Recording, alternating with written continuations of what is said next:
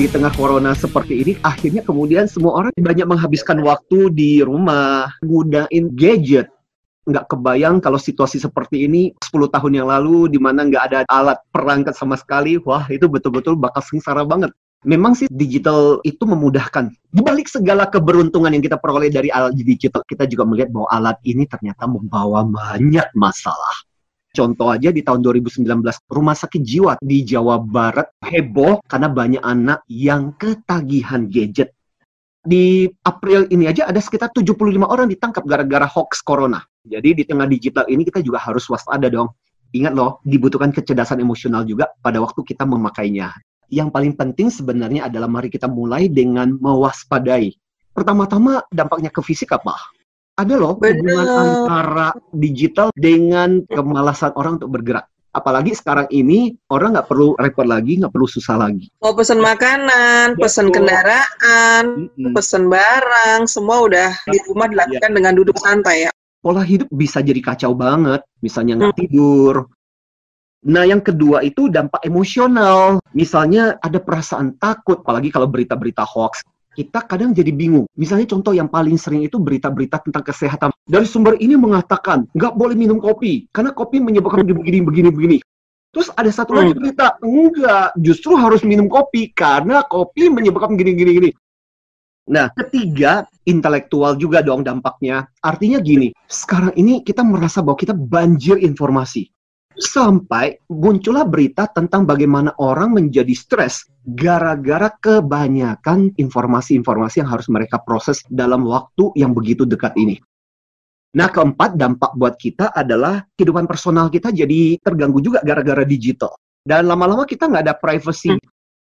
Nah, problem yang kelima adalah soal kriminalitas, masalah security lah. Kadang-kadang ini dapat informasi kita dari mana ya? Dan kita bisa dihubungi. Nah, yang paling parah memang digital membantu kita menjadi lebih produktif. Digital juga bisa membuat kita semakin kacau di dalam produktivitas kita. Yaitu kadang-kadang kita jadi menghabiskan waktu begitu banyak hanya untuk menjelajah internet dari satu situs, eh pindah lagi ke situs yang lain, eh pindah lagi ke situs yang lain. Akhirnya nggak selesai-selesai. Dari sisi kecerdasan emosional, kita butuh yang namanya emotional filtering. Misalnya contoh, zaman-zaman ketika pilkada aja, Pokoknya aku suka, aku cuma mau baca informasi tentang dia aja. Nah, atau misalnya aku udah nggak suka, pasti aku kasih komentar buruk. Nah, itu emotional filtering. Tanpa sadar, kita tidak melihat lagi informasi secara objektif. Tapi kita melihatnya dari sudut pandang emosi kita.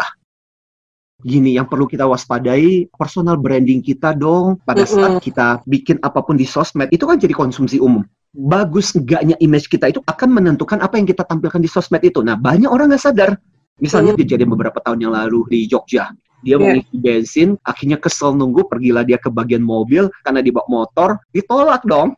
Eh marah-marah dan satu kota di maki-maki sampai akhirnya kemudian diserang sampai diminta untuk melakukan permintaan maaf. Mm-hmm. Makanya mesti cerdas banget dengan apa yang kita postingkan. Melalui digital kita bisa membangun network dan relasi. Problem yang terbesar kalau kita perhatikan alat-alat digital seperti itu kadang bisa dipakai untuk menyerang, mungkin buat beberapa yang memang udah kuat mentalnya nggak jadi masalah. Jadi pengetahuan hmm. yang namanya EQ itu penting. Istilahnya hmm. adalah EQ comment. Kamu mesti tahu tentang EQ. Misalnya contoh hmm. ketika kita sadar, terus gak gampang terpancing sama haters. Atau membuat kita nggak sembarangan posting di sosmed. Lagi marah, lagi kesel gitu. Itu bagian dari EQ knowledge. Itu yang pertama. Yang kedua, berhubungan dengan kemelaikan dari digital Artinya kita bisa update nggak perkembangan teknologi dan bisa menggunakan nggak? Misalnya contoh tahu-tahu sekarang ini ada IG Live. Yang ketiga, digital itu kan akhirnya menuntut kita untuk menyesuaikan diri. Nah, kita punya nggak kapasitas untuk berubah? Misalnya contoh di digital itu ada istilah yang namanya algoritma, cara mereka berhitung. Wah, itu terus-menerus berubah. Tapi ini sesuatu yang fun sebenarnya.